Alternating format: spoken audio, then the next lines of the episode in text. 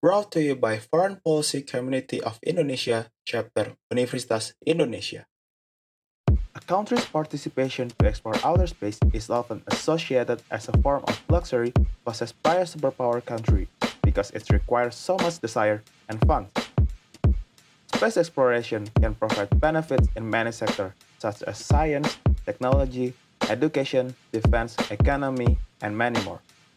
However, the implementation of space exploration would not be effective if there is no political will and legal document covering it. For that reason, we're interested in seeing how the existence of space policy does matter. We find that space policy can be a big step in carrying out space exploration in the future with the aforementioned benefit.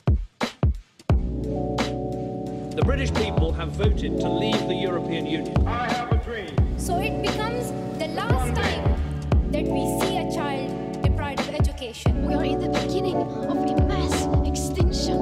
What you can talk about Jadi tanggung jawab kita bersama untuk mengatakan tidak bagi resesi ekonomi global. Oke, selamat malam para policy enthusiast di mana pun Anda berada. Perkenalkan, kembali lagi kalian bersama saya, Rizal Valentino. Seorang mahasiswa HI 2018 yang gemar nonton drama Korea. Hari ini kita akan membahas sebuah perbincangan yang cukup menarik. Ya, ini kita akan membahas tentang kenapa sih sebenarnya kebijakan luar negeri yang menyangkut luar angkasa itu penting gitu. Kenapa sih kita butuh peraturan yang mengatur tentang luar angkasa gitu? Nah, buat membahas topik-topik ini, gue nggak sendirian coy. Gue ditemenin sama dua orang teman gue yang pastinya keren-keren banget coy.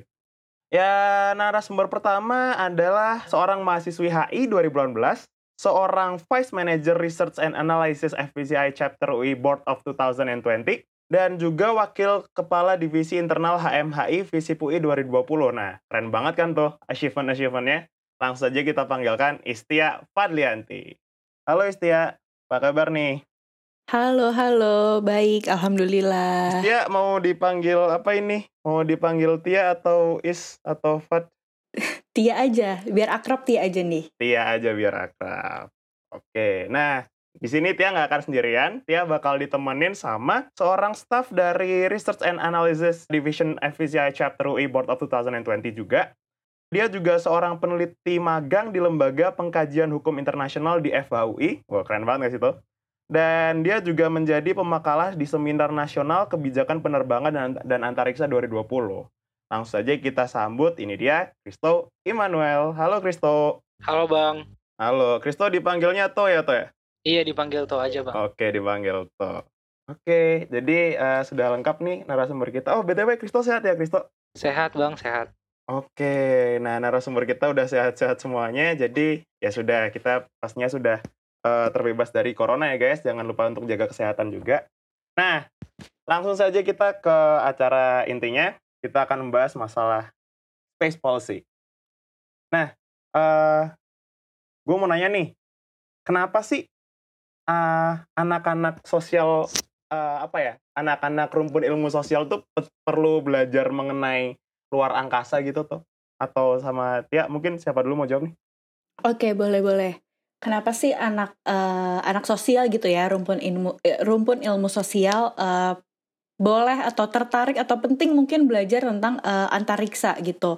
Eh, karena eh, menurut gue kayaknya selama ini pembahasan tentang antariksa ini masih terlalu fokus ke em, sainsnya banget gitu. Terlalu kayak misalnya tentang ada asteroid kah atau tentang roket-roket perhitungan fisika dan lain-lain. Sedangkan sebenarnya luar angkasa itu luas banget pembahasannya. Banyak hal-hal menarik tentang interaksi antar negara di antariksa tersebut. Bagaimana antariksa bisa memberikan manfaat ke berbagai sektor dan lain-lain. Jadi sebenarnya eh, luar angkasa ini nggak cuma terbatas buat anak-anak sains aja tapi sebenarnya eh, di balik itu interaksi para aktor-aktor yang eh, ikut di dalam eksplorasi luar angkasa ini juga eh, menarik banget untuk dilihat bagaimana mereka saling berinteraksi dalam eh, mengeksplor luar, luar angkasa demi kebermans- kebermanfaatan bersama gitu. Mungkin Kristo gimana nih kalau dari background anak hukum kan kayaknya beda nih gimana nih kalau Kristo? Iya. Betul banget Kak Tia. Kalau misalnya menurut anak hukum nih eh semua di mana semua ada orang di semua tempat yang ada orangnya pasti ada hukum yang mengatur. Nah, dan di luar angkasa sendiri sekarang kan udah ada astronot-astronot, ada kegiatan manusia di sana yang tentunya juga pasti perlu diatur supaya terjadi keteraturan gitu. Nah, untuk itulah kita sebagai eh, anak-anak sosial nih atau mungkin juga lebih spesifik anak hukum perlu banget untuk belajar tentang eh, hukum antariksa karena memang itu adalah salah satu aspek yang nggak bisa dilepaskan dari angkasa dan pastinya nggak terlalu banyak mungkin sekarang yang fokus ke bidang itu jadi ya inilah mungkin saatnya untuk kita sebagai anak-anak rumpun ilmu sosial punya sedikit interest lah lebih di dalam bidang yang mungkin sekarang lebih banyak didominasi oleh anak dari rumpun sains dan teknologi gitu kak Oh gitu ya. Oke, ngomong-ngomong soal hukum nih Tok sama Ti nih. Eh, sebenarnya apa sih urgensi kita butuh eh, hukum mengenai luar angkasa nih? Coba Tia dulu mungkin kali ya. Wah, kayaknya yang lebih paham hukum Kristo nih. oh, Kristo coba. ya. Oh ya udah, coba kita iya, backgroundnya ya. hukum. Gimana Tok? Oke, eh, mungkin pentingnya hukum itu untuk di mengatur angkasa gini kak, karena semua orang pasti punya kepentingan di luar angkasa. Semua orang punya interest yang berbeda-beda, atau mungkin punya interest yang sama, tapi sumber daya terbatas di luar angkasa. Nah, karena manusia itu pada dasarnya tidak teratur, sehingga perlulah hukum untuk mengatur perebutan tanda petik perebutan sumber daya yang mungkin ada di luar angkasa sana, yang mungkin terbatas ataupun tidak terbatas, dan juga eh, karena apa yang terjadi di luar angkasa juga pasti ada pengaruhnya ke kita yang manusia yang ada di bumi. Nanti mungkin kita akan lebih bahas lebih lanjut ya. Ya pastinya tentu harus ada hukum yang mengatur supaya eh, jalannya kegiatan manusia di luar angkasa, jalannya kegiatan-kegiatan di luar angkasa yang berpengaruh ke manusia di bumi, semuanya teratur supaya bisa dimaksimalkan lah untuk kepentingan kemaslahatan manusia sebesar-besarnya gitu supaya nggak ada negara yang lebih egois, negara yang eh, mempergunakan luar angkasa itu untuk kejahatan atau untuk manipulasi kayak gitu kak. Jadi itu pentingnya hukum supaya mengatur. Oke gitu ya. Tapi perlu dibatasi juga hukumnya ini mengatur manusia kan pastinya. Ya. Misalnya di luar angkasa siapa tahu ada alien gitu kan kayak ya Allah alien di penjara gimana kan ya agak susah Iya. gitu kan. Susah ya. Jadi khusus buat manusia karena manusia itu greedy sifatnya suka serakah gitu supaya nggak chaos kita butuh eh, hukum yang mengatur kegiatan-kegiatan tersebut gitu ya toh ya. Betul bang. Nah, nah mungkin sekarang nih gue mau beralih ke eh, isu yang lebih politis nih. Coba gue mau tanya ke Tia nih. Ti, sebenarnya eh, ada nggak sih politik di balik kayak eh, ini eh, peraturan-peraturan luar angkasa gitu? Kayak apa apa sih yang bisa dipolitisasi dari luar angkasa gitu? Oke, nah sebenarnya kalau uh, untuk ngebahas tentang politik tentang kebijakannya gitu ya, uh, kalau mungkin uh, teman-teman semua juga mungkin tahu nih kalau atau mungkin yang belum tahu juga bahwa sebenarnya udah ada uh, peraturan yang uh, mengatur tentang luar angkasa yang udah di uh, diatur sama PBB gitu namanya Outer Space Treaty. Nah sebenarnya kalau di Outer Space Treaty itu uh, in general semua pembahasannya adalah bagaimana uh, aktor-aktor yang ingin mengeksplor lu- uh, luar angkasa ini bagaimana mereka harus bertindak gitu kan. Nah sebenarnya yang bener-bener kalau gue baca gitu ya, Hmm. uh, yang bener-bener di highlight oleh PBB ini adalah bahwa semua kegiatan yang dilakukan untuk mengeksplor luar angkasa ini harus uh, ditujukan untuk uh, kebermanfaatan umum gitu bagi seluruh masyarakat di bumi. Jadi tidak boleh digunakan oleh uh, sekelompok kepentingan masyarakat aja atau mungkin di su- suatu negara tertentu. Nah, jadi kalau mungkin kalau untuk politiknya uh, kalau di policy secara uh, mungkin kita based on ke outer space treaty kelihatannya sih nggak begitu politik banget ya karena kan Hmm. Bener-bener mengatur bagaimana semua negara ini harus uh, memberikan kebermanfaatan apa pun hasil penelitiannya. Nah, mungkin sebenarnya kalau lebih politik ini uh, mungkin lebih politik uh, bagaimana negara-negara ini saling bisa bekerja sama ke luar angkasa gitu di luar dari pembahasan polisinya ini karena uh, mungkin uh, singkat cerita dikit gitu ya kalau uh, agak throwback ke sejarah gitu kayak mungkin teman-teman tahu bahwa dulu ada perang dingin antara US sama Uni Soviet. Itu tuh bener-bener salah satu pemicunya adalah bagaimana mereka berkompetisi menguasai luar angkasa gitu. Gimana Hmm. waktu itu Uni Soviet uh, mengeluarkan Sputniknya terus kayak Amerika merasa tertinggal akhirnya mereka ada space race gitu ya istilahnya. Hmm. nah sebenarnya uh, itu salah satu yang paling politik gitu ya. Mungkin kelihatannya politik banget buat di luar angkasa. Tapi sebenarnya yang menarik uh, tentang politik lagi di luar angkasa adalah bagaimana setelah uh, perang dingin ini selesai justru Amerika Serikat yang dulunya selalu berkompetisi dengan Uni Soviet saat ini mulai ber, mulai mengarah untuk kerjasama aja gitu. Jadi kayak dari yang berkompetisi mereka jadi kooperasi gitu. Jadi sebenarnya menariknya politik di luar angkasa ini lebih ke bagaimana antar negara ini saling berinteraksi dari yang dulunya berkompetisi terus-terusan ada space race sekarang malah mereka cenderung untuk ya udah kita kerjasama aja kita bangun uh, International Space Station uh, banyak negara boleh astronot taken ke International Space Station dan lain-lain. Jadi politiknya lebih menarik ke bagaimana para aktor ini, bagaimana negara-negara atau mungkin uh, dari sektor privat juga bisa saling bekerja sama untuk mengeksplor luar angkasa dibanding mereka saling berkompetisi. Gitu sih mungkin. Oh, jadi keterlibatan aktor swasta gitu juga penting dalam pengembangan ini juga ya, teknologi luar angkasa gitu ya, Tia? Iya betul betul. Karena kan uh, saat ini beberapa tahun terakhir makin banyak nih sektor-sektor privat yang mulai uh, masuk gitu ya ke luar angkasa. Jadi bukan cuman uh, agensi nasional aja kayak NASA gitu ya. Jadi udah makin banyak sektor privat yang masuk dan uh, agensi nasional banyak negara pun juga uh, justru cenderung untuk bekerja sama aja sama sektor privat tersebut. Jadi tidak ada kompetisi antara uh, uh, apa uh, agensi nasionalnya dengan uh, sektor privat tersebut kayak gitu. Hmm. mungkin Kristo mau nambahin nih Kristo juga. Hmm. gimana tuh nah bener banget kak. Jadi mungkin kalau aku bisa highlight lagi space politics ini juga terkait dengan lebih ke politik ekonomi kak. Karena memang uh, dana yang diperlukan untuk eksplorasi luar angkasa kan gede banget nih. Mm -hmm. itu jadi jadi bahan barter untuk beberapa negara. Misalnya uh, Repu uh, Tiongkok gitu. Dengan Indonesia mereka lagi approach Indonesia nih untuk kerjasama. Nah tapi pasti ada interest-interest tertentu di balik ditawarkannya uh, Tiongkok.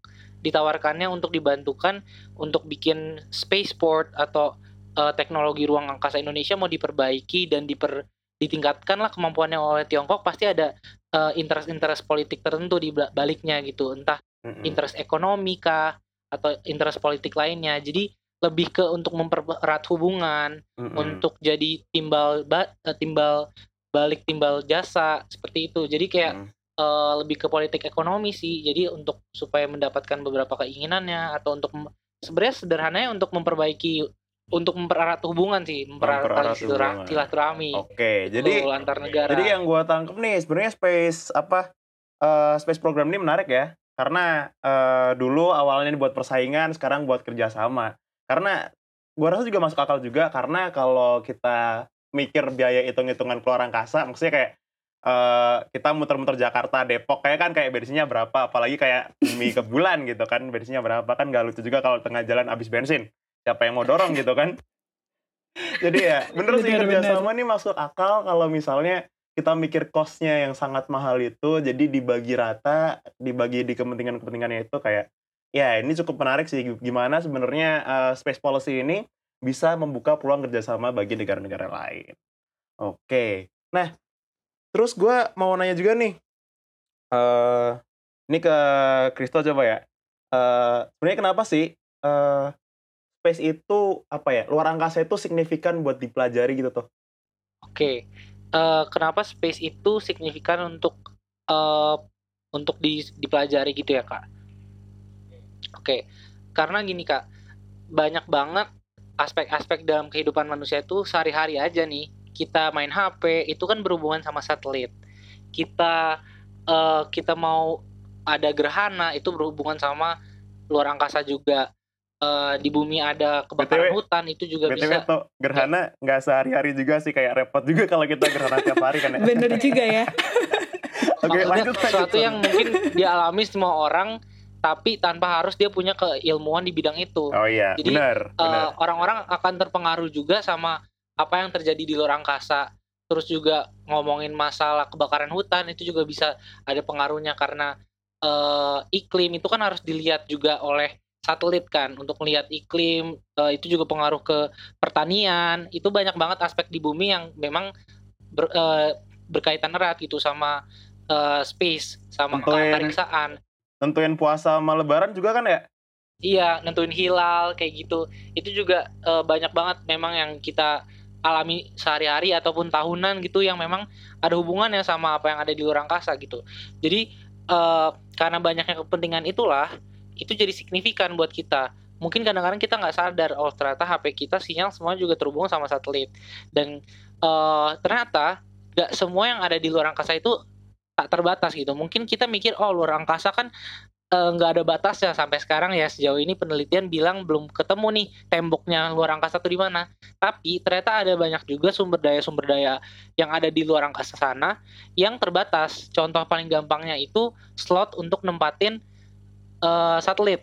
Nah, Hmm. satelit kan mengorbit bumi nih Hmm. di lintang-lintang tertentu. Misalnya eh, sebuah satelit nih dia bertengger di lintang eh, 16 derajat lintang utara misalnya. Hmm. Dia akan di situ terus sampai kapan pun kecuali dia digeser gitu. Hmm. Nah, Tapi kan nggak kit- nggak mungkin dong ada satu ada eh, banyak satelit gitu di satu eh, orbit yang sama. Untuk itulah ada slot-slotnya harus eh, harus didaftarin dulu. Kita ngetek nih lintang Hmm. segini. Mungkin Indonesia misalnya eh, karena kita di Katulistiwa kita ngetek di dekat-dekat Katulistiwa gitu. Dan ada peraturan internasionalnya juga yang mengatur kalau misalnya udah berapa tahun mis- Hmm. eh, udah beberapa tahun tidak ditempati itu berarti bisa diambil orang lain misalnya kayak gitu. Berarti kan Oh, memang ada hal-hal yang terbatas gitu di luar angkasa yang juga diperbutkan. oh gitu. Makanya ini signifikan banget untuk kita pelajari karena memang kepentingan kita sangat tergantung gitu di dalam eh, keilmuan keantariksaan gitu. Jadi memang Hmm. mungkin itu sih yang bikin signifikan karena memang banyak hubungannya dengan eh, apa yang kita lakuin sehari-hari atau tahunan gitu. menarik ya kayak konsep eh, membahas apa yang sebenarnya terbatas di luar angkasa. Ini kalau gue ngelihat konsepnya ada slot-slot satelit nih, gue lihat kayak konsepnya kayak tempat parkir nggak sih? Kayak tempat parkir Betul, di apartemen banget, gitu. Kak. Gitu ya? Betul. Jadi kayak lu Kayak harus daftar member bulanan supaya bisa nempatin parkir di situ gitu kan. Kalau misalnya nggak ada yang mobil lu derek atau gimana. Eh di derek nggak sih eh, satelit? Lagi ngederek siapa juga satelit kan ya? Harus pakai roket lagi kak kalau misalnya mau diderek. Oh jadi eh, Susah, ini susah. ya dereknya Mahal agak, juga agak mahal ya sebenarnya ya. Iya. Jadi itu Bisa guys kalau juga kak biar Hmm? jatuh. gimana? Bisa juga eh, pakai roket lain untuk eh, nembak itu supaya dia mungkin entah jatuh atau jadi sampah antariksa Anjay. keluar dari Anjay. Jadi keluar dari slot itu. makin makin ini makin ke atas tuh makin serem ya kalau misalnya di sini cuma derek Oh. doang atau dikasih surat peringatan di sana ditembak loh. Jadi guys Tembak. buat eh, pendengar kita yang kiranya punya satelit nih guys, jangan lupa bayar slot parkirnya atau diperpanjang. Waduh. Siapa tahu ada yang pendengar kita yang punya satelit, siapa tahu Elon Musk dengerin ini kan ya? Nggak tahu gitu kan. Iya siapa tahu kan kita tidak tahu. Semoga ya. Semoga ya Elon Musk dengerin ini. Nah, eh, menarik nih kayak kan kita harus mempelajari luar angkasa karena sesignifikan itu kayak aspek kita sehari-hari kayak penentuan hilal, eh, eh, apa internet kita dan lain sebagainya itu kayak eh, dipengaruhi dari hal-hal yang ada di antariksa sana. Nah, sebenarnya eh, apa aja sih kayak ada nggak eh, bidang studi bidang studi apa aja sebenarnya yang mengcover ini coy, mengcover pembelajaran mengenai antariksa ini coy. Karena kan kalau misalnya kan kita kayak cuma taunya ini doang kan ya eh, apa astrologi misalnya zodiak zodiak gitu. Nah kalau secara resmi itu kayak ada ada bidang studi apa aja sih yang mengcover mengcover pengetahuan tentang luar angkasa ini? Oke. Eh kalau setahu gue kayaknya sejauh ini kalau di Indonesia mungkin ya gue refernya adalah eh, di prodi astronomi ya yang ada di ITB gitu yang paling bener-bener relate ke pembahasan luar angkasa tersebut. Mungkin ya walaupun eh, kalau ngebahas luar angkasa bisa kita eksplornya jauh banget sih. Bisa ke kesehatannya bisa ke sektor-sektor penelitian lainnya dan lain-lain. Tapi Bentar, kalau eh, ditanya ini bisa ke eh, kesehatan tuh gimana? Antariksa sama kesehatan itu gimana nih? Apakah ini kayak Fantastic Four gitu? Kayak lu keluar angkasa kena radiasi jadi jadi mutan gitu? Gimana? Gimana tuh? Nah iya jadi eh, kalau ngebahas tentang kesehatan nih ada satu eh, penelitian menarik gitu dari NASA. Jadi ada eh, NASA ini melakukan penelitian tentang gimana sih perbedaan manusia yang ada di bumi dan di luar angkasa gitu. Nah cara mereka menelitiannya ini adalah eh, di NASA ini mereka punya astronot kembar namanya eh, Mark Kelly sama Scott Kelly. Jadi mereka dua astronot, mereka kembar. Mhm. Dilakukan penelitiannya adalah si eh, Mark Kelly ini dia terbang dulu keluar angkasa, terus kembarannya di bumi dulu. Mhm. Setelah satu tahun nanti tukeran tuh Scott Kelly yang keluar angkasa, Mark Kelly-nya yang di bumi. Mhm. Nah jadi selama eh, mereka ada apa perbedaan tempat gitu, eh, para peneliti ini melihat apa sih perubahan yang terjadi di uh, badan manusia gitu. Hmm. Ternyata yang menariknya itu setelah dilakukan penelitian ternyata uh, 7% dari gennya Scott Kelly ini mengalami perubahan gitu. Hmm. Atau juga DNA-nya si Mark Kelly pas kembali ini sempat mengalami perubahan selama enam bulan pertama, tapi setelah enam bulan ternyata DNA-nya bisa kembali lagi gitu. Selain itu di tinggi manusia juga ada uh, perubahan-perubahan gitu. Kayak Kelly ini mengalami pertambahan pertinggian uh, beberapa senti gitu. Gue lupa. Oh, tapi gitu ya. uh, maksudnya banyak kok uh, penelitian yang dilakukan tentang pengen tahu nih gimana sih manusia antara di bumi sama di luar angkasa ini perbedaannya apa? Karena kan paling utama pasti uh, perbedaan gravitasi gitu ya. Jadi udah banyak penelitian yang dilakukan terutama di International Space Station gitu ya yang melihat gimana sih perbedaan tubuh manusia antara di luar angkasa sama di bumi. Mungkin itu penelitiannya bisa mengacu ke ini kali ya gimana nanti manusia bisa mungkin hidup di Mars dan lain-lain gitu. Gitu makanya ya. dilakukan penelitian. Tapi gue nggak tahu sih tapi maksudnya udah banyak penelitian juga yang ngebahas tentang eh, gimana sih kesehatan antara manusia di luar angkasa dan di bumi ini perbedaannya gitu Sebenarnya menarik ya NASA mau meneliti bagaimana sebenarnya kalau manusia dikirim ke luar angkasa itu nambah tinggi berapa. Eh, buat NASA nih petinggi NASA kalau misal dengerin lo daripada kirim manusia ke luar angkasa lo bisa ke klinik Tongfang cuy. waduh Itu bisa nambah tinggi cuy. Daripada lo mahal-mahal ke orang angkasa buat nambah tinggi doang kan kayak agak mahal gitu kan ya. Ada alternatifnya cuy. Coba lah klinik Tongfang. waduh BTW nih kan kayak ini aspek sehari-hari kan ya. Eh kalau misalnya itu meng- sampai bisa mengefek apa kehidupan manusia sampai sehari-hari, berarti kan ini juga penting juga kan buat pemerintah concern soal ini, terutama juga buat masalah keamanan. Nah, sebenarnya gimana sih eh, kebijakan kebijakan-kebijakan mengenai luar angkasa ini bisa berpengaruh terhadap kayak eh, apa keamanan suatu negara gitu? Oke, oke Apakah ini berpengaruh atau kayak nggak berpengaruh gitu? Coba tuh, kan tadi udah Tia tuh. Oke, mungkin eh, ini juga berhubungan sih sebenarnya Bang sama pertanyaan sebelumnya. Jadi salah satu bidang juga dalam eh, ngomongin tentang space, tentang luar angkasa itu nggak cuma dari sisi astronomi di ITB, tapi di FHUI pun dan mungkin di beberapa fakultas hukum lain, kita juga punya mata kuliah namanya mata kuliah hukum udara dan angkasa. Jadi memang hukum yang khusus membahas tentang penerbangan dan juga eh, keantariksaan. Nah, Kayak ini apa juga tuh contohnya berhubungan tuh? nih. Nah, itu belajar tentang eh, treaty-treaty atau perjanjian-perjanjian internasional yang mengatur luar angkasa. Nah, ini berhubungan banget nih Bang sama pertanyaan selanjutnya tentang gimana eh, hukum eh, gimana space policy ini bisa eh, berhubungan sama keamanan. Nah, Hmm. ada salah satu treaty internasional yang membahas tentang be- melarang militer militerisasi dari luar angkasa. Mm-mm. Jadi memang eh, ada larangan yang tegas gitu di dalam perjanjian internasional yang udah banyak ratifikasi Hmm. bahwa eh, objek-objek luar angkasa misalnya satelit atau bahkan bulan gitu nggak boleh ditaruh eh, benda-benda militer gitu atau senjata-senjata pemusnah massal. Kenapa? Karena dianggap bisa dibilang curang gitu kalau misal secara logika. Bayangin, mereka Hmm. semua negara kan punya kemampuan untuk bisa meletakkan benda eh, pemusnah massal di atas sana gitu. Mm. Nggak semua punya dananya. Hmm. Selain itu juga ya eh, balik lagi salah satu eh, tujuan dari adanya eh, eksplorasi luar angkasa itu kan untuk kemaslahatan seluruh umat manusia gitu, bukan untuk Betul. umat manusia tertentu. Betul. Jadi kalau misalnya ada yang naruh senjata militer di sana ya berarti bertentangan gitu dengan prinsip dasar awalnya bahwa kita mau eksplor luar, angka- luar angkasa untuk kemaslahatan seluruh umat manusia gitu, bukan umat-umat tertentu atau untuk negara tertentu gitu. Jadi ya mungkin itulah yang mendasari kenapa di luar angkasa sana itu nggak boleh ditaruh senjata pemusnah massal atau militerisasi. Itu sih mungkin Hmm. salah satu eh, kaitan antara space policy dengan pertahanan atau defense Hmm, gitu. gitu Dan ya. juga eh, salah satu contoh lainnya juga yang mungkin bisa dipakai untuk defense itu satelit. Hmm. Iya, kita tahu sendiri satelit itu em, bisa melihat misalnya kapal asing masuk ke Indonesia Hmm. atau ada pesawat asing masuk ke Indonesia dan segala macam. Jadi ya pastinya itu jadi warning awal gitu untuk eh, para pengaman-pengaman Indonesia ini gada terdepan untuk melihat oh ini ada mungkin ada pelanggaran eh, kedaulatan dan segala macam. Jadi memang em, untuk militeris militerisasi nggak boleh, tapi kalau eh, ada satelit yang untuk mengawasi eh, pertahanan keamanan negara ya itu sah-sah aja. Gitu bang. Gitu. Jadi cukup menarik ya sebenarnya kalau eh, ini kita nggak boleh nggak boleh naruh alat-alat yang berbahaya gitu di luar angkasa gitu. Karena selain ini cuy apa takut untuk menghancurkan negara lain juga takut hilang juga gitu kan. Misalnya lu naruh misalnya nuklir di bulan terus tiba-tiba besok bulan hilang gitu. Kayak ya. Waduh. rugi siapa tahu gitu kan bulan hilang gitu. Atau atau mungkin kayak ini eh nggak jadi deh udah lanjut aja.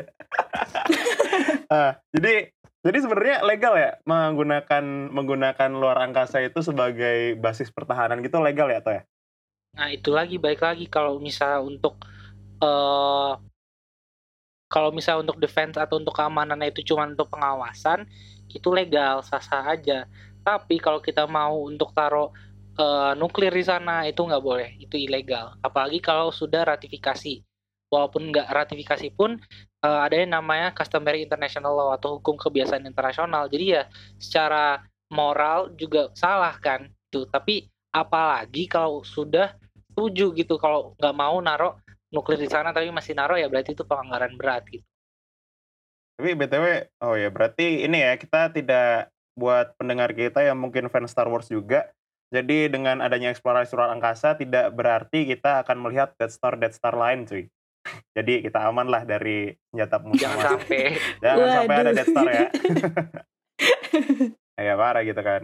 Oke, nah gue coba kan tadi udah Crystal Murni yang jawab nih. Sekarang gue mau nanya Tia nih. Boleh. eh, sebenarnya benefitnya apa sih kalau misalnya kita menggunakan luar angkasa ini buat ekonomi gitu? Buat ek- perekonomian nih dampak signifikan apa yang bisa diberikan oleh luar angkasa gitu bagi kita gitu manusia? Oke. Nah, sebenarnya kalau ngebahas eh, tentang pen- ke ekonominya gitu ya, mungkin Kristo nanti bisa bantu jawab tentang data-data tentang eh, gimana tentang peluncuran roket butuh biaya berapa dan lain-lain gitu. Nah, tapi kalau mungkin untuk menjawab gimana space ini bisa memberikan eh, kebermanfaatan buat eh, dan berdampak ke ekonomi gitu ya, mungkin gue ngambil contohnya ini di eh, Amerika. Yes, eh, sorry banget nih kalau gue ngasih contohnya NASA mulu karena memang kan yang paling eh, advance nih saat ini kan NASA gitu kan buat di luar Betul. angkasa. Iya, Nah, betul. jadi kalau eh yang gue tahu nih kalau mungkin kalau secara langsung mungkin gue belum tahu banget nih tentang seberapa misalnya peluncuran roket ini memberikan manfaat ke ekonomi dan lain-lain. Tapi kalau misalnya eh, diturunin tingkatannya gitu lebih ke sehari-hari kayak dengan adanya NASA ini yang sudah sangat advance di eh, di Amerika Serikat, eh, NASA ini udah bisa bantu eh, buka lapangan pekerjaan gitu. Jadi Hmm. lapangan pekerjaannya bukan kayak 1000-2000 orang tapi sampai 312.000 pekerjaan gitu Buset, yang tersebar ngapain di aja seluruh? Kalau Amerika. boleh tahu 312 ribu orang tuh ngapain aja gitu? Waduh, kalau divisi-divisinya kebetulan gue ju- juga kurang tahu ya, Oh, tapi, tapi bisa yang pasti menyerap tenaga kerja sebanyak itu ya pastinya ya. benar-benar Dan, dan, bukan ya bukan pekerjaan yang kaleng-kaleng kan pastinya karena peneliti butuh kecerdasan juga jadi kayak bisa mengangguri mengurangi pengangguran intelektual gitu lah ya istilahnya.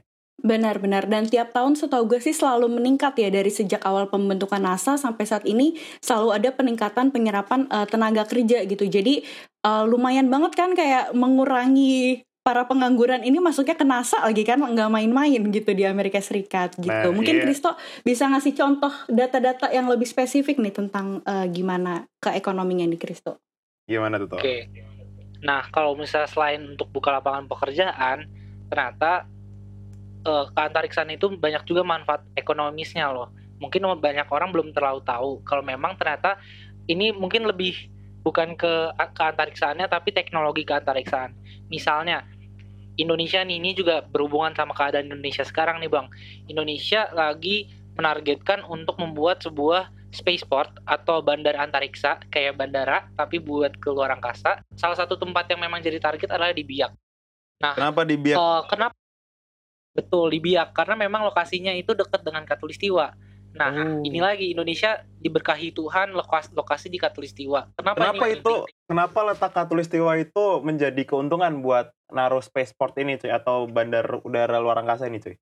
Oke, nah balik lagi motif ekonomi kan harus mengeluarkan pengorbanan sekecil-kecilnya untuk eh, gain yang sebesar-besarnya. Nah, kenapa bagus untuk di Biak? Tepatnya di Biak karena dia eh, dekat dengan Katulistiwa. Kalau nggak salah sekitar satu derajat eh, lintang utara atau lintang selatan gitu. Nah, eh, mungkin ini sedikit teknis ya. Hmm. Bau- eh, eh, aku mau jelasin sedikit bahwa memang bumi itu kan berputar nih. Nah, dan eh, dengan posisi katulistiwa berarti ada, bisa dibilang dengan mudah kalau misalnya itu salah satu posisi paling jauh dari inti bumi pusat bumi sedangkan beda kalau misal di lintang-lintang atas eh, dia itu lebih dekat sama porosnya jadi kalau misal satu jam eh, maaf satu hari berputar nih 24 jam jarak yang ditempuh orang yang ada di katulistiwa itu jauh lebih jauh dibandingkan jarak yang ditempuh orang yang ada di kutub. Nah kalau di kutub kebayang nggak sih bola globe di kutubnya muternya kecil kan di atas gitu kecil-kecil Betul. muternya. Tapi kalau misal di eh, di katulistiwa dalam waktu yang sama nih sama-sama 24 jam juga kan sehari Hah? itu jauh lebih jauh putarannya.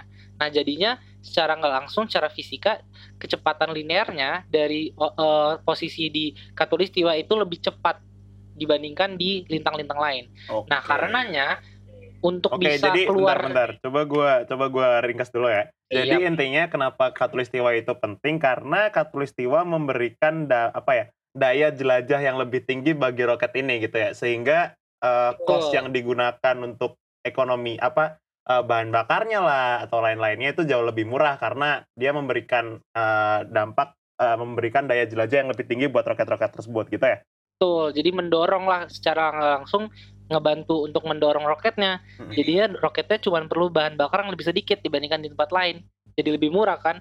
Makanya Indonesia dianggap strategis gitu untuk Mm-mm. bisa ngeluncurin roket. Bisa Iya. buat nah negara lain bisa juga untuk menyewa tempat itu. Jadi kayak sewa tempat aja. Mereka misalnya bawa roketnya, sewa tempat kan sewa tempat bayar kan? Betul sekali. akhirnya Namanya masuk juga sewa. Indonesia. Tuh, jadinya ya uangnya buat Indonesia. Itulah kenapa eh, space itu juga bisa loh untuk masukin devisa buat negara, bukan cuma buang-buang duit gitu. Oke, jadi keren banget ya eh, gimana sebenarnya dampak ekonomi yang apa eh, bisa dihasilkan dari dari proyek-proyek antariksa ini. Nah, eh, terus sebenarnya pemerintah tuh kayak udah ngelakuin apa aja sih buat buat memaksimalkan potensi devisa negara dari dari ini antariksa ini? Eh, mungkin Kristo mau jawab atau Tia? Krista dulu mungkin nih. Krista udah udah ada penelitian terkait yang diomongin tadi tuh soalnya tuh. Oh ya? Ada apa aja tuh tuh? Kayak pemerintah ngapain aja nih buat buat eh, ini buat antariksa tuh? Oke, nah pemerintah tuh udah berusaha keras loh, terutama eh, LAPAN ya. Kenapa LAPAN? Karena memang LAPAN agensi yang resmi ditunjuk pemerintah untuk itu. Nah, eh, LAPAN ini udah membuat Bentar, bentar, bentar. Penelitian-penelitian. Buat kan gini, eh, jadi 8 ini apa nih toh? Kita kita Oke, jelasin dulu 8 8 itu itu- apa tuh? Bukan 8 itu temannya lembaga- 9 kan? Waduh, bukan, bukan. beda mirip-mirip, dong. mirip-mirip 9. Le- tapi bukan bukan 8 yang 89 ya. Oh iya. 8 itu eh, itu semacam kalau misalnya di Amerika itu namanya NASA Mm. atau di eh, India itu namanya ISRO. Nah, Oh. 8 itu adalah lembaga antariksa eh, lembaga antariksanya Indonesia atau eh, singkatan dari Lembaga Penerbangan dan Antariksa Nasional. Oh, jadi ini Nah, kayak 8 itu NASA dengan kearifan NASA lokal gitu ya. Betul. Betul sekali. Gua denger-denger kalau astronot berangkat dari 8 pakai baju daerah tuh. Bener nggak tuh? Waduh. Enggak ya? boleh, boleh, tergantung Enggak ya? tergantung kan mau pakai baju apa.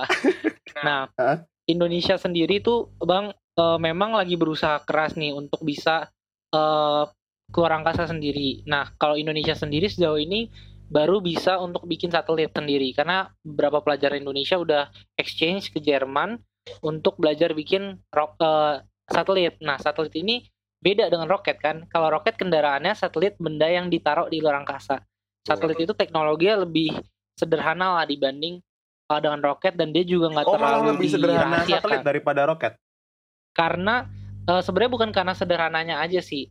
Dia sederhana karena memang dia kan ya udah dia cuma ditempatkan di atas sana, terus isinya kamera, sensor segala macam yang mana sebelum ada roket pun juga udah ada. Sedangkan kalau roket butuh tenaga yang sangat besar untuk bisa nyampe ke luar angkasa gitu. Dan lagi ironinya adalah Hmm? nggak semua negara bahkan nggak ada negara yang mau membeberkan teknologi roket mereka. Jadi misalnya India bikin misalnya, ya berarti itu hasil penelitian mereka sendiri. Kenapa? Karena memang itu tadi fungsinya sangat strategis kan. Jadi takutnya dipakai untuk eh, kepentingan negara itu dan segala macam. Jadi memang sangat disecure gitu tiap negara punya policy yang sangat ketat gitu untuk nggak membeberkan teknologi roket mereka. Tapi kalau untuk satelit kita belajar dari Jerman karena itu nggak terlalu strategis roket gitu. Nah, eh, itu dia mungkin eh, gimana kalau misalnya eh, itu yang udah dilakukan sama pemerintah Indonesia untuk bikin satelit. Nah, tapi kalau roket udah diakui nih beberapa penelitian, cuman memang belum sampai bisa mengantarkan eh, benda keluar angkasa atau ke orbit gitu. Tapi ya pemerintah Indonesia lagi mau bikin yang tadi aku bilang spaceport apa bandar bandar antariksa yang mau kerjasama mungkin sama beberapa negara karena memang biayanya mahal banget. Jadi ya kita lihat aja semoga di dalam waktu dekat Indonesia udah punya spaceport sendiri biar bisa masukkan devisa buat negara gitu Bener Bang. banget. Tapi buat yang belum tahu nih Indonesia udah bisa menciptakan roket loh cuy. Eh, ini eh, proyeknya roketnya di- dibangunnya di Bandung cuy. Namanya Rocket Rockers ya guys. Ingin hilang ingatan lagunya. Lu nggak tahu ya? Waduh, waduh, waduh, waduh. gitu. Rocket Rockers lah. Oke, jadi itu yang udah diusahakan pemerintah Indonesia ya, eh, berusaha untuk eh, membangun satelit gitu. Dan udah ada satelitnya belum Indonesia? Atau kayak masih pengembangan gitu? Satelit udah ada bang, satelit Palapa namanya kalau pernah dengar. Oh, satelit Palapa. Itu udah, udah ada beberapa bahkan, udah ada beberapa seri. Oh, jadi udah Indonesia sebenarnya udah udah diska, apa ya, me- menciptakan satelit ini udah beberapa kali gitu ya. Betul bang, kalau satelit ya. Tapi kalau roket masih dalam pengembangan. Fungsinya satelit ini apa aja ya kalau misalnya eh, ini kalau misalnya eh, apa satelitnya Indonesia ini fiturnya fitur apa aja sih kalau yang lu tahu gitu tuh? Yang pasti buat Telkomsel bang. Oh, pasti buat Telkomsel ya. Jadi buat Buat iya, teman-teman internet nih sih ya. player Mobile Legend nih kalau misalnya ini nge-lag-nge-lag di tengah jalan nih, mungkin satelitnya lagi ini cuy nge-crash sama satelit yang lain gitu ya. Betul. Bisa Iya, jadi ya. Bisa bisa. Iya, ya udah nggak apa-apa. Atau mungkin ini ya apa ngomong-ngomong satelitnya lagi apa kayak ada warteg antariksa atau gimana kayak atau gimana? Gue nggak ngerti. Tapi Bisa ya udah. Intinya begitu ya. Jadi eh, sudah ada usaha-usaha yang dilakukan oleh pemerintah Indonesia untuk eh, sebenarnya memulai penjelajahan antariksa ini ya. Oke, seru sekali sih. Nah, terus sebenarnya eh, potensi-potensi apa aja sih yang bisa dimanfaatin selain selain apa ya? Selain apa penambah devisa negara tadi ya? Kayak dari dari mungkin dari data paket lah atau internet dan sebagainya kayak ada nggak sih potensi-potensi lain misalnya apa kayak eh, apa pariwisata kayak atau apa gitu kayak ada ada potensi gitu nggak sih sebenarnya buat dieksplor di luar angkasa gitu? Oke, siapa dulu nih? Gue dulu mungkin. Oke, Tia boleh dulu. Boleh Katia. Oke, kalau buat eh, buat ke negara mungkin kalau gue jawab lagi mungkin sesimpel tadi kayak tentang lapangan pekerjaan gitu. Tapi kan tadi udah dijelasin gitu ya. Nah sebenarnya tadi kan lo sempat mention juga nih Jal tentang eh, pariwisata ya, tentang eh, mungkin ini eh, terkait juga sama space tourism nih yang selama beberapa eh, dekade terakhir nih kayaknya sempat terdengar gitu kan space tourism. Nah eh, tapi kayaknya kalau untuk space tourism sendiri kayaknya eh, lebih banyak yang dilakuin sama eh, sektor privat sih dibandingkan sama eh, sama eh, agensi nasional negara gitu karena memang sejauh ini yang baru ada eh, apa ya yang sudah ada plan dan sudah menjual tiketnya gitu buat space tourism nih masih sektor privat kayak Virgin Galactic. Nah tapi eh, perusahaan ini em, sudah lama, udah lama berdiri sejak eh, 2001 sampai 2009 kalau nggak salah udah berdiri gitu ya. Maksudnya udah cukup lama kok udah ada perusahaan yang ngeplan nih mau bikin space tourism gitu buat masyarakat bumi yang mau jalan-jalan ke luar angkasa. Buset. Nah tapi? Pi? sayangnya kan sayangnya mahal banget nih Jal. Oh, Pasti banget. bukan kita kita ini marketnya karena biayanya aja nih kalau yang gue dapetin datanya tahun eh, 2019 biayanya aja nih satu orang satu tiketnya gitu ya. Mungkin tiket PP hitungannya nih 250 ribu US dollar atau sekitar ya tiga setengah m lah dapat rumah kali ya kalau di itu di itu sini tiga ya. setengah m udah termasuk makan siang belum itu? Harusnya ya makan siangnya juga juga pasti kurang enak kayaknya ya enakan warteg kali ya Jal ya? Kali ya. kalau dibanding ada. Mungkin ada warteg antariksa mungkin kan ya. Wah bisa jadi gitu. Nah, tapi kayak sebenarnya space tourism nih menarik ya lo bilang. Nah, sebenarnya apa sih yang ditawarkan oleh space tourism ini kayak eh apa ya? Turisme-turisme macam apa gitu? Apakah kayak bisa memberi makan alien atau selfie sama alien atau gimana Waduh. sebenarnya eh, kalau space tourism ini? Oke, mungkin gue jawab dikit ntar mungkin Kristo boleh nambahin ya. Kalau yang gue tahu nih sesimpel apa sih uh, space tourism itu ngapain? Yang gue tahu sih sesimpel eh, manusia-manusia bumi yang para manusia tajir-tajir ini yang mampu bayar tiga setengah m ini mereka bisa keluar angkasa cuman untuk eh, menikmati pemandangan indah bumi dari luar angkasa dan ngerasain gimana sih manusia ada di eh, di kondisi tanpa gravitasi selama beberapa menit doang gitu. Nah mungkin Kristo lebih tahu nih tentang space Tapi sebenarnya seru ya kalau misalnya orang-orang yang punya duit ini mereka kayak ke keluar angkasa cuman buat menikmati pemandangan bumi gitu. Padahal kita sudah ada fitur Google Earth gitu loh. Kita bisa lihat bumi, Waduh. jalan, jembatan gitu-gitu kan. Beda dong sensasinya Jal. Beda. Buat teman-teman yang mungkin low budget tapi pengen merasakan sensasi tiga setengah miliar belum termasuk makan siang, mungkin bisa buka Google Earth ya buat merasakan itu. Boleh boleh. Boleh. Kalau Versi Kristo ada yang mau ya. Oke, sebenarnya udah lengkap banget sih penjelasan dari Katia. Memang eh, nggak ada yang nggak ada nggak lebih dari cuman sekedar ngeliat-liat aja di sana dan perusahaannya juga nggak terlalu banyak kan. Misalnya kayak tadi disebut Virgin Galactic dan mungkin yang bisa dipelajari dari space tourism ini adalah ya gimana mereka kerjasama juga sama pemerintah setempat. Misalnya eh, Virgin Galactic itu kerjasama sama pemerintah Uni Emirat Arab gitu untuk minjem tempatnya untuk dia tapi pesawatnya Virgin Galactic gitu. Jadi ya eh, ini yang kita bisa ambil adalah memang dalam segala aspek itu untuk negara-negara seperti negara-negara yang memang nggak terlalu punya budget atau mungkin eh, tenaganya masih kurang tenaga ahlinya bisa juga eh, kerjasama. Nggak cuman untuk masalah eh untuk nge- ngeluncurin satelit tapi juga buat space tourism gitu. Siapa tahu Indonesia juga bisa jadi destinasi untuk meluncurkan space tourism gitu nantinya. Gitu. Itu aja sih kak Betul. Apalagi kalau misalnya ada orang-orang yang sebenarnya sudah bosan dengan kehidupan bumi kan kayak aku bosan hidup di bumi, ingin keluar angkasa saja gitu. Sudah pergi saja tapi Anda harus punya duit tiga setengah miliar. Nah, Atau mungkin kita bisa buat penja- penjara luar angkasa ya, mungkin ya. waduh. bisa Kalau misalnya buat mengurangi populasi di bumi gitu sih. Kayaknya seru gitu. iya gitu. Oh iya kayak tapi sebenarnya kayak ini kayak pertanyaan random aja sih. Menurut lo apakah sebenarnya kan kita kayak banyak permasalahan mengenai sampah nih, sampah-sampah di bumi yang susah terurai gitu. Sebenarnya apakah mungkin gitu kita kayak ya udah buang aja sampah di luar angkasa gitu kayak daripada plastik susah terurai kayak ya udahlah buang aja di luar angkasa gitu. A- menurut lo kayak apakah mungkin dan apakah baik gitu untuk dilakukan demi kemaslahatan umat bumi gitu? Tentunya kalau demi kemaslahatan umat alien agak bermasalah ya, tapi kalau umat bumi gitu menurut lo gimana tuh? Aja sih. Waduh, kalau gue eh gue jujur kurang tahu dan gak pernah kepikiran sih Jal ya gimana caranya bisa buang sampah gitu ya. Sampah-sampah plastik yang numpuk di laut gitu kali ya yang meng- yang menyumbat para kura-kura atau yang lainnya tiba-tiba kita buang.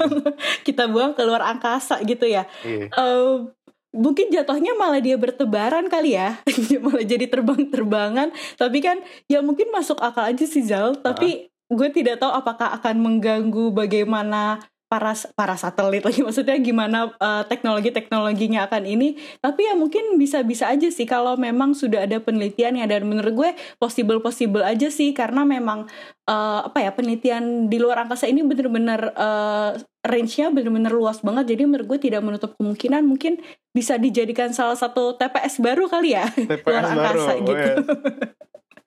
gimana nih Kristo Kristo gimana? mungkin Ada? mau nambahin Hah? sedikit nih kalau misalnya dari yang gue pelajari sih gue lihat-lihat sih sebenarnya memang kan di luar angkasa itu nggak sekosong yang kita kira nggak eh, udah kopong gitu aja tapi ada pengaruh gravitasi ada orbit dan segala macam nah di eh, orbit bumi aja di lu- eh, maksudnya di orbit satelit dan kawan-kawan itu aja udah ada ribuan eh, sampah antariksa Sampah Misalnya antariksa tuh kayak gimana? Apakah bungkus ciki gitu atau gimana tuh?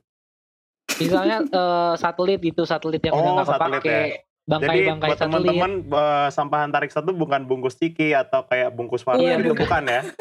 Oh, botol Bukan, aqua gitu bukan. tidak ada, tidak ada di antariksa seperti itu. tidak ada. tidak jangan sampai jangan sampai ada nah itu dia Hmm. Em, sampah antariksa sekecil apa pun nih misalnya sekecil apa ya sekecil beras lah tapi itu kan ada gravitasi dia kena gravitasi bumi kena em, kena eh, dia punya gerakan bumi itu yang dia kan juga mengorbit pastinya karena dia ada di di lintasan orbit gitu nah benda sekecil itu pun kalau misalnya dia mengorbit dengan kecepatan sangat tinggi kalau kena satelit bisa tembus itu satelitnya gitu loh.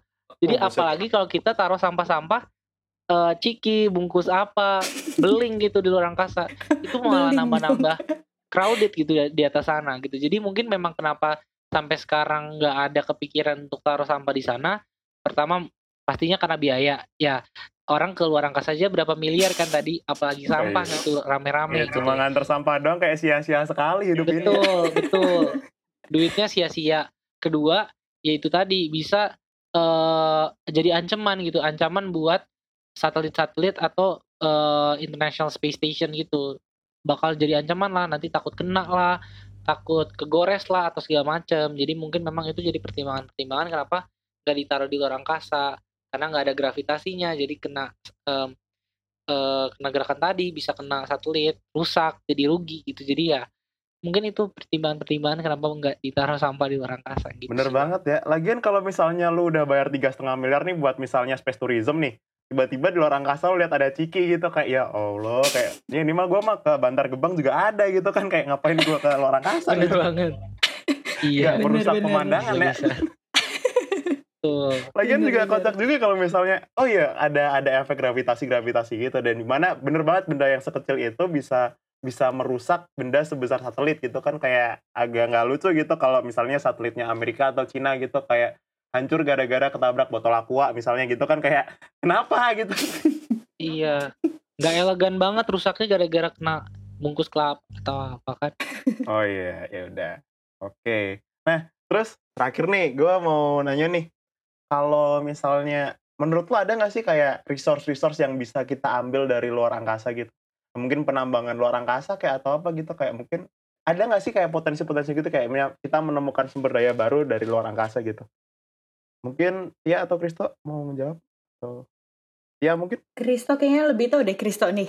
eh coba Kristo Oke. Nah, sebenarnya memang ini masih dalam penelitian juga ya. Tapi memang eh, di asteroid itu ada ditemukan eh, elemen-elemen atau unsur-unsur yang memang bisa ditambang gitu dan berharga. Tapi balik lagi, salah satu ciri khas dari eksplorasi luar, luar angkasa dalam bidang apa pun itu high risk high reward. Jadi walaupun high reward tapi resikonya gede banget itu. Ya kebayang nggak sih satu kali roket gagal jatuh berapa miliar gitu yang yang rusak yang hilang gitu aja gitu. apalagi kalau Jadi jatuhnya kena botol aqua ya Betul. Apalagi kalau kena botol aqua. Jadi memang eh, pemerintah mungkin nggak punya will yang cukup tinggi gitu cuman buat resiko segede itu. Makanya mungkin memang di sinilah peran eh, swasta harus banyak, harus kencang gitu. Nah, tapi balik lagi kita kan me- memang belum ini kan masih apa ya futuristik gitu loh. Masih dalam bayang-bayang nggak terlalu kayaknya pun ada baru penelitian gitu, belum ada yang benar-benar nambang di luar angkasa. Eh regulasinya pun juga masih kurang gitu, masih nggak belum terlalu kuat. Pun ada mungkin masih dalam bentuk proyeksi-proyeksi di masa depan kayak apa. Jadi ya kita lihatlah dalam waktu dekat atau mungkin dalam waktu yang lama bakal ada regulasi-regulasi kayak apa dan ada negara mana yang udah mulai berani untuk nambang di luar angkasa. Untuk Iya. sekarang masih belum ada sih. Siapa tahu kan kayak eh, di musim-musim depan di tahun-tahun ke depan gitu kita bisa menambang pasir dari luar angkasa. Kayak kebayang nggak lu bentuk rumah pasirnya bukan pasir-pasir biasa cuy, pasirnya dari bulan gitu misalnya. Kayak Harganya mahal pasti. pasti mahal sekali dan untuk apa gitu ya. Kayak kurang kerjaan sekali gitu ya. Oke. Nah, anyway nih eh, buat eh, teman-teman pendengar foreign policy eh, enthusiast di mana pun anda berada, kalian tuh bisa mengajukan eh, ini pertanyaan-pertanyaan buat dibahas di podcast-podcast selanjutnya lewat fitur eh, Q&A di Instagram yang dipost di story-nya FVCI Chapter UI. Eh, setiap ada topik-topik podcast yang dirilis. Nah, buat topik podcast hari ini yang bahas soal luar angkasa luar angkasa, kita udah dapat beberapa pertanyaan nih. Pertanyaan pertama datang dari Edmund K. Hove. Nih, bagaimana Anda menanggapi pernyataan Elon Musk yang mengatakan bahwasannya dia tidak akan meng, apa ya, menggunakan eh, hukum bumi di Mars gitu. Kayak menurut lo gimana sih tanggapannya? Mungkin anak hukum banget nih, tuh gimana nih menurut lo kayak kan ya bener nih space ini kayak eh, apa ya eh, daerah yang tidak dimiliki siapa pun dan itu kayak mungkin daerah di luar jurisdiksi kejaksaan mana pun gitu kan ya atau kayak kehakiman mana pun itu kayak apa tanggapan lu gimana tuh dengan pernyataan Elon Musk gitu? Kayak ya udah gue mah udah di Mars ya kenapa gue harus apply hukum bumi? gitu loh. Menurut lu gimana tuh? Oke, ini eh, berdasarkan prior knowledge kita aja ya, Bang. Eh, dari yang aku tahu, kalau misalnya memang eh, sekarang pun juga udah ada treaty yang mengatur tentang eh, outer space treaty tadi, dan dia mengatur nggak cuman eh, luar angkasa secara umum, tapi juga benda di luar angkasa. Eh, ada juga yang bahas tentang other celestial bodies, berarti juga benda antariksa yang lain, termasuk Mars. Nah, sebenarnya hukumnya juga sudah mengatur, tapi memang beda ya dengan di bumi eh, mungkin kalau orang membunuh di luar angkasa beda lagi aturannya Eh, kecuali di eh, International Space Station atau di dalam eh, pesawat itu masuk ke hukum negara masing-masing tapi kalau di luar itu nah itu kan masih jadi pertanyaan nah Iya. gini eh, mungkin logika aja sih bang kalau misalnya di mana ada manusia tadi kan eh, gue juga se- udah sempet tinggung di mana ada manusia pasti butuh hukum gitu ya kalau di Mars itu nggak ada manusia ya memang nggak ada hukum manusia yang berlaku di sana tapi kalau ada manusia dan juga ada tanda petik penegak hukum, kan kalau ada hukumnya tapi nggak ada penegak hukum juga sama aja bohong. Tapi kalau ada, ya pasti hukum manusia juga yang berlaku. Nggak mungkin dia nggak pakai hukum sama sekali. Iya Nah, kalau misalnya dibilang nggak mau pakai hukum yang di bumi, mungkin maksudnya adalah modifikasi dari hukum yang ada di bumi. Mungkin hukumnya eh, nggak bakal sama persis sama yang di negara dia asal. Tapi balik lagi, coba kita pikir dengan logika. Antar negara Indonesia dan Malaysia aja hukumnya bisa beda gitu. betul Jadi ya kalau dia bikin hukum baru di beda sana planet gitu kan juga ya. pasti benar iya sama aja kayak di luar negeri gitu dan gak bakal terlalu jauh dari hukum yang ada di bumi.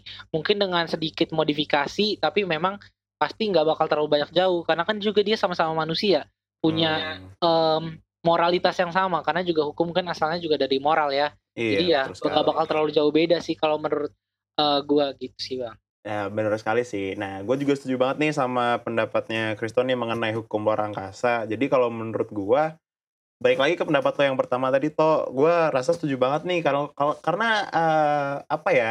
Kalau misalnya nggak ada hukum yang mengatur penjelajahan luar angkasa, kayak orang bisa berbuat apa aja di luar angkasa, ya kayak bisa-bisa aja gitu orang naruh senjata di luar angkasa, terus kayak membahayakan keselamatan negara lain. Itu kan jadi kayak eh, suatu hal yang harus menjadi concern kita bersama gitu kan ya.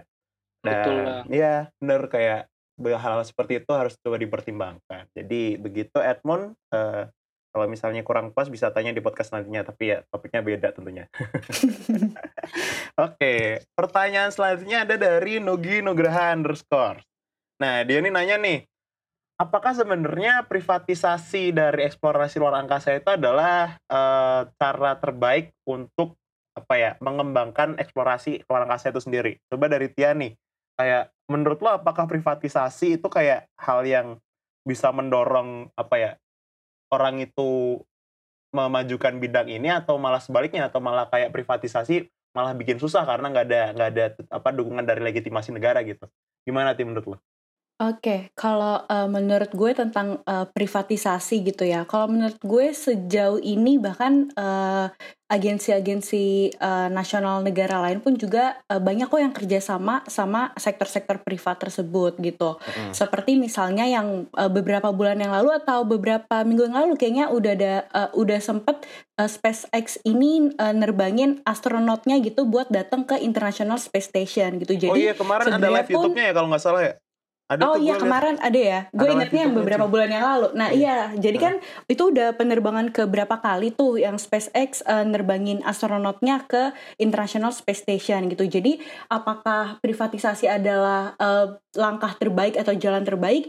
Menurut gue mungkin tidak semuanya bisa diprivatisasi gitu karena masih gimana pun juga masih butuh peran negara gitu untuk eh, mengeksplor gitu. Jadi menurut gue langkah terbaiknya adalah eh, kerjasama antara uh, agensi negara ini, agensi uh, luar angkasa ini untuk kerjasama sama sektor privat. Kayak gimana NASA pun udah deket banget gitu istilahnya sama SpaceX dan NASA pun mengakui bahwa dengan kerjasama sama sektor privat ini bisa mempercepat uh, mereka untuk mengeksplor luar angkasa lebih jauh gitu. Jadi um, dan jadi uh, jadi itu bukan sebuah halangan atau menjadi sebuah tantangan gitu sih, bukan jadinya menghambat peran negara untuk mengeksplor, tapi justru makin memperluas uh, kesempatan untuk mengeksplor gitu dan juga mungkin uh, kalau ngomongin data dikit nih, eh, apakah privatisasi adalah eh, jalan terbaik gitu? Kalau misalnya kita mau ngirim astronot gitu keluar angkasa, nih gue dapat datanya bahwa biayanya itu eh, ternyata lebih murah kalau pakai sektor privat gitu. Kalau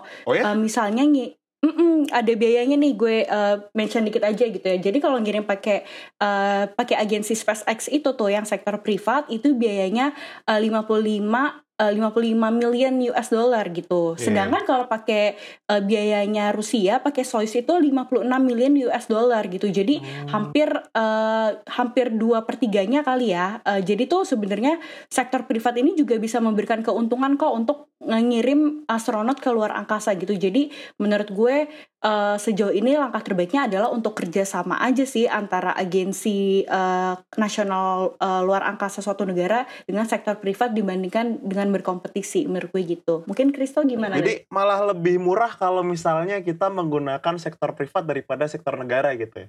Ini sebenarnya kayak Benar gitu. menurut gue pem- apa ya eh, fakta yang cukup unik gitu. Maksudnya kalau misalnya gue belanja online tuh kayak biasanya ongkirnya lebih murah kalau misalnya lewat kantor pos daripada pakai tiki atau apa gitu kan ya. Tapi kalau dibuat Mm, ngirim mm, mm. orang keluar angkasa gitu, siapa tahu eh, ini kotak apa eh, kantor pos mendengarkan kita mungkin bisa ngirim Waduh. paket keluar angkasa mungkin ya di masa-masa repot ya. agak repot sih kayak kasihan tukang posnya bisa bisa berangkat nggak bisa balik nggak mahal juga biayanya kan ya gitu. Oke nah eh, Kristo mau menambahkan mungkin buat yang masalah Iya. privatisasi ini mungkin eh, balik lagi ke tadi kalau memang pemerintah kan pasti punya concernnya sendiri Mm-mm. jadi concern-concern di luar yang diinginkan pemerintah nggak bakal dieksplor tuh sama pemerintah nah di sini peran swasta untuk mengisi kekosongan tadi. Jadi Hmm. eh, bukannya menghambat swasta ini malah memperluas lagi skopnya cakupannya. Misalnya yang dulu pemerintah nggak ada kepikiran buat tourism jadi bisa buat tourism buat mining juga mereka nggak mau resikokan duit duit segitu eh, karena ada swasta jadi bisa. Contoh yang paling nyata aja contohnya eh, misalnya di New Zealand gitu mereka kerjasama loh sama pihak swasta juga namanya Rocket Lab. Akhirnya mereka bisa meluncurin roket. Mungkin kalau nggak ada swasta akan lebih lama lagi developmentnya. Tapi kalau swasta kan juga pasti peneliti-penelitinya karena orientasinya untuk profit jadi ya juga harga bersaing dong pastinya. Betul. Jadi ya eh, pastinya lebih murah karena mereka juga saingan harganya sama perusahaan lain. Jadi balik lagi eh, motif ekonomi pasti eh, mempermudah lah memperluas skopnya gitu aja sih bang. Tapi gue yakin nih buat Pak Erick Thohir kalau misalnya dengerin podcast ini jangan lupa ya Pak bikin BUMN yang ngurusin beginian nih Pak kayaknya seru nih Pak bikin BUMN ngurusin luar angkasa gitu Pak boleh boleh Siapa- kita join ya kalau Siapa ada tahu lah. Di masa depan ada BUMN yang ngurusin. Kan karena kalau kalau Indonesia kan privatisasi gitu kan kayak mungkin eh, kebijakan yang kurang kurang ini ya, kurang kurang sering dilakukan oleh oleh eh, apa orang Indonesia. Biasanya kan ya itu me- menasionalisasikan gitu perusahaan-perusahaan gitu supaya eh, bisa digunakan demi kemaslahatan eh, rakyat gitu kan ya biasanya. Mungkin di masa depan ada BUMN Pak Erick Thohir bisa bikin itu. Nah, oke lanjut kita ke pertanyaan ketiga nih. Ada dari Yuri Chernusov. Wih, namanya keren banget nih Yuri Chernusov. Ya, semoga saya benar menyebutkannya. Nah, dia bertanya nih, apakah menurut Anda realistis jika Indonesia kirim angkasawan seperti Malaysia dan Vietnam pakai Soyuz? Gimana nih, Ti? Menurut lo? Oke, kalau ditanya realistis atau enggak, menurut gue kayaknya kalau eh, menurut gue realistis sih realistis aja ya. Soalnya kalau gue baca berita nih awal tahun ini, eh, awal banget Januari tahun 2020 nih ada berita yang nyebutin bahwa Indonesia udah ada obrolan nih dengan em, dengan agensi luar angkasanya Rusia yang katanya Indonesia ini mau ngirimin eh, astronot pertamanya mereka ke luar angkasa gitu. Tapi sih gue belum tahu apakah ini udah ada update terbaru, apakah jadi atau enggak dan lain-lain. Tapi kalau ditanya realistis atau enggak, menurut gue realistis-realistis aja karena memang sudah ada omongan antara Indonesia dengan Roskosmos itu sendiri yang eh, apa agensinya di Rusia gitu. Dan itu kalau nggak salah juga udah ada pertemuannya dengan negara-negara lain antara Indonesia, Turki dan Hungaria yang emang udah ada plan untuk mau kerjasama dengan agensinya Rusia gitu. Kalau menurut gue sih. Betul banget. Eh, Nah, eh, ya bener banget ya kalau misalnya kita eh, jalin kerjasama kerjasama mungkin kayak eh, teknologinya Rusia udah advance biar apa dan kita punya resource manusia yang cukup buat buat diterbangkan ke luar angkasa ya kenapa tidak gitu kan ya. Karena pun kalau misalnya ini tuh eh, kalau misalnya lu pada tahu nih manusia pertama yang terbang di luar angkasa Yuri Gagarin eh, itu juga ini cuy dia terbangnya nggak sendirian karena dia terbang di luar angkasa itu dengan selamat cuy dia bisa balik lagi cuy jadi kayak begitu lah Waduh. paham paham paham udah jokes selamat boleh, sekali boleh. gue ketawa kok gue ketawa kok Iya udah. Terima kasih apresiasinya guys. Sangat membantu. sama-sama bang sama-sama Oke. Nah, ini kan kita udah ngobrol nih lama soal masalah space, gimana itu dampak ekonomi, keamanan, peraturan-peraturannya gimana, legal legal hukumnya bagaimana. Nah, nah sekarang eh, ini ge, ini deh gue coba minta lu buat menyimpulkan apa yang lu bicarakan gitu tadi. Coba dari Tia dulu mungkin. Ada mungkin yang mau disimpulkan? Oke, kalau uh, kesimpulan gue uh, simple aja bahwa gue pengen bilang bahwa sebenarnya uh, kayaknya topik tentang luar angkasa ini terdengarnya kayak jauh banget dari kita-kita yang anak sosial. Masih terdengar bahwa ngomongin luar angkasa ini masih uh, uh, spesifik ke anak-anak uh, rumpun science gitu ya. Yang pengen gue tekenin bahwa sebenarnya luar angkasa ini menarik banget buat dieksplor dan um, walaupun mungkin luar angkasa memang terdengar terdengarnya ini hanya uh, apa ya sebuah kemewahan yang dimiliki oleh negara maju tapi menurut gue uh, menarik juga jika Indonesia ini bisa punya interest lebih ke luar angkasa gitu. Jadi uh, bisa mempunyai potensi-potensi yang lebih luas lagi untuk mengeksplor luar angkasa gitu. Soalnya uh, Malaysia aja udah pernah kok ngirimin angkasawan pertamanya ke International Space Station masa Indonesia nggak bisa sih gitu kalau dari gue? Itu ngiriminnya sendiri atau dengan selamat juga, Ti? waduh pastinya dengan selamat sentosa Dengan ya Selamat sentosa ya. lebih rame ya Kalau selamat Kristo ada sentosa. kalimat penutup nggak nih buat buat kita mengakhiri podcast kita hari ini? Oke, terima kasih Bang. Eh, mungkin ini juga jadi pesan utama ya yang mungkin gue mau sampaikan dari awal juga. Anak eh, sosial itu jangan buta untuk bahas tentang hal-hal berbau space gitu karena Indonesia sangat kekurangan eh, peneliti hukum luar angkasa dan juga eh, peneliti eh, space policy gitu. Jangankan itu yang untuk sainsnya aja masih kurang, tapi kalau kita sainsnya kuat nih misalnya amin dalam waktu dekat kita udah bisa kerjasama sama negara lain tapi kalau da- dari sisi regulasinya masih lemah ya kita dibodoh-bodohin juga sama negara lain yang kita ajak kerjasama gitu kan dan kita nggak mau itu terjadi kan dan Betul. eh, dengan perkembangan Indonesia yang udah sangat maju ini dan udah mau kerjasama sama ini itu berarti eh, prospeknya itu sangat dekat gitu loh nggak jauh 20 tahun lagi mungkin dalam waktu lima tahun lagi kita udah butuh eh, bahkan sekarang udah butuh banget gitu loh untuk eh, peneliti-peneliti hukum luar angkasa atau eh, kebijakan luar negeri dalam artian hukum lu- luar angkasa gitu atau kebijakan luar angkasa. Jadi ya persiapkanlah diri kita, buka mata kita untuk bidang ini. Jangan sampai kita kita kalah bukan gara-gara cuman teknologinya, tapi dari sisi kebijakannya juga lemah gitu. Betul. ya banget. itu pesan aja sih untuk teman-teman eh apa foreign policy enthusiast ya. Iya, ya, foreign itulah. policy enthusiast. Gitu ya. Ya, aja Jadi sih Bang. bener banget, menarik banget poin dari Kristo. Jadi bahwasannya kita butuh lebih banyak kajian-kajian mengenai eh, ini luar angkasa, bukan hanya dari anak-anak sains, anak-anak eh, ilmu alam, tapi juga ilmu sosial juga perlu nih. Jangan sampai nih kajian luar angkasa yang kita dapat hanya kajian zodiak, anjir. Kayak waduh agak Jangan kurang sampai gitu sih. kan ya, kayak Jangan sampai itu aja. astrologi dong Iya, mengeluarkan banyak dana gitu untuk memprediksi nasib seseorang gitu kan. Oke, nah terus eh, ini nih kalau misalnya para polisi entusias nih pada mau memba apa ya mempelajari lebih lanjut mengenai topik-topik ini, kira-kira eh, ada ada saran-saran rekomendasi bacaan gitu nggak sih? Oke, dari gue dulu mungkin ya. Boleh. Eh, kalau dari gue, eh, gue kan udah beberapa kali nih kalau lagi bikin tugas ngebahasnya tentang eh, space exploration gitu ya. Kalau gue sih sebenarnya kalau untuk nyari berita-berita atau bahan-bahan ini lebih gampang sebenarnya dari berita gitu, apalagi dari dokumen-dokumen NASA ini banyak banget dan lengkap banget bisa diakses di internet gitu. Tapi kalau misalnya teman-teman tertarik gitu ya, mau baca-baca, eh, butuh eh, rekomendasi, gue merekomendasikan ada uh, satu tesis uh, ditulis sama Jill Stewart tahun 2008 judulnya Exploring the Relationship Between Outer Space and World Politics English School and uh, Regime Theory Perspective. Jadi uh, tulisannya si Jill Stewart ini ngebahas tentang uh, apa sih politik yang ada terjadi di luar angkasa dari berbagai aspek nggak cuma International Space Station aja, tapi dibahas juga dari sisi uh, pengembangan satelit dan lain-lain. Jadi itu bahasannya HI banget sih, tapi menarik banget juga karena di situ dieksplor gimana politik ini bermain di luar angkasa. Itu kalau dari gue. Oke, dari Kristo ada yang mau ditambahkan mungkin bahan-bahan bacaan lain nih? Mungkin uh, gue mau nyaranin tulisannya uh, di Dik Jiratmi dari, dari tahun 2016 uh, tentang judulnya skema kerjasama bilateral Indonesia Tiongkok di bidang keantariksaan. Nah ini dari jurnal kajian kebijakan penerbangan dan antariksanya 8. Uh, ini tuh bakal bahas tentang uh, apa aja sih kira kira-kira kerjasama Indonesia dan Tiongkok, terutama di bidang keantariksaan dan skema yang cocok tuh seperti apa. Dan kira-kira Indonesia tuh prospeknya ke depan bakal ngapain nih sama Tiongkok? Dan juga dia juga bahas sejarahnya juga sih kenapa sampai akhirnya Indonesia kerjasama dengan Tiongkok bidang keantariksaan. Jadi kita lebih tahu lah latar belakang oh ternyata ada juga loh aspek-aspek politik dan ekonomi yang mempengaruhi uh, bidang keantariksaan. Nggak cuman masalah pengen turisme ke luar angkasa aja.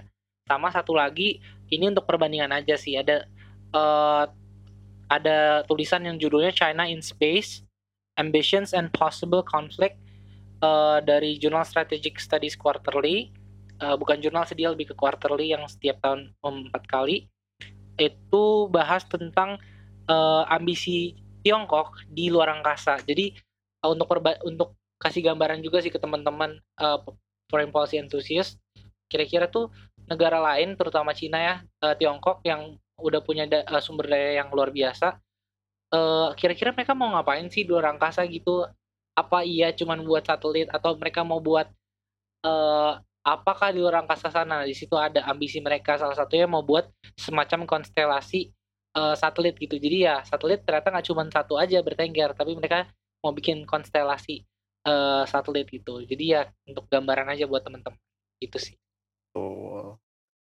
Oke, kalau gitu dengan dibacakannya sumber sumber-sumber bacaan yang bisa membantu para policy entusias untuk mengerti lebih dalam mengenai apa eksplorasi luar angkasa, uh, berakhirlah juga sesi podcast kita pada hari ini. Uh, gue mau ngucapin makasih banget nih buat ya, makasih banget nih dan juga buat Kristo. Thank you, ya, thank, thank you, banget udah ngisi apa Siap, podcast. Nggak terasa kita udah sejam ngobrol gitu kan, kayak seru banget gitu. Nah, buat para polisi entusias, terima kasih sudah me- mendengarkan podcast kali ini. FVCI Chapter E Board of 2020, Innovate Beyond Limit. Terima kasih. Saya Rizal Valentino, undur diri. The British people have voted to leave the European Union. So it becomes the last time that we see a child deprived of education. We are in the beginning of a mass extinction. All you can talk about sikap kita bersama untuk mengatakan tidak bagi resesi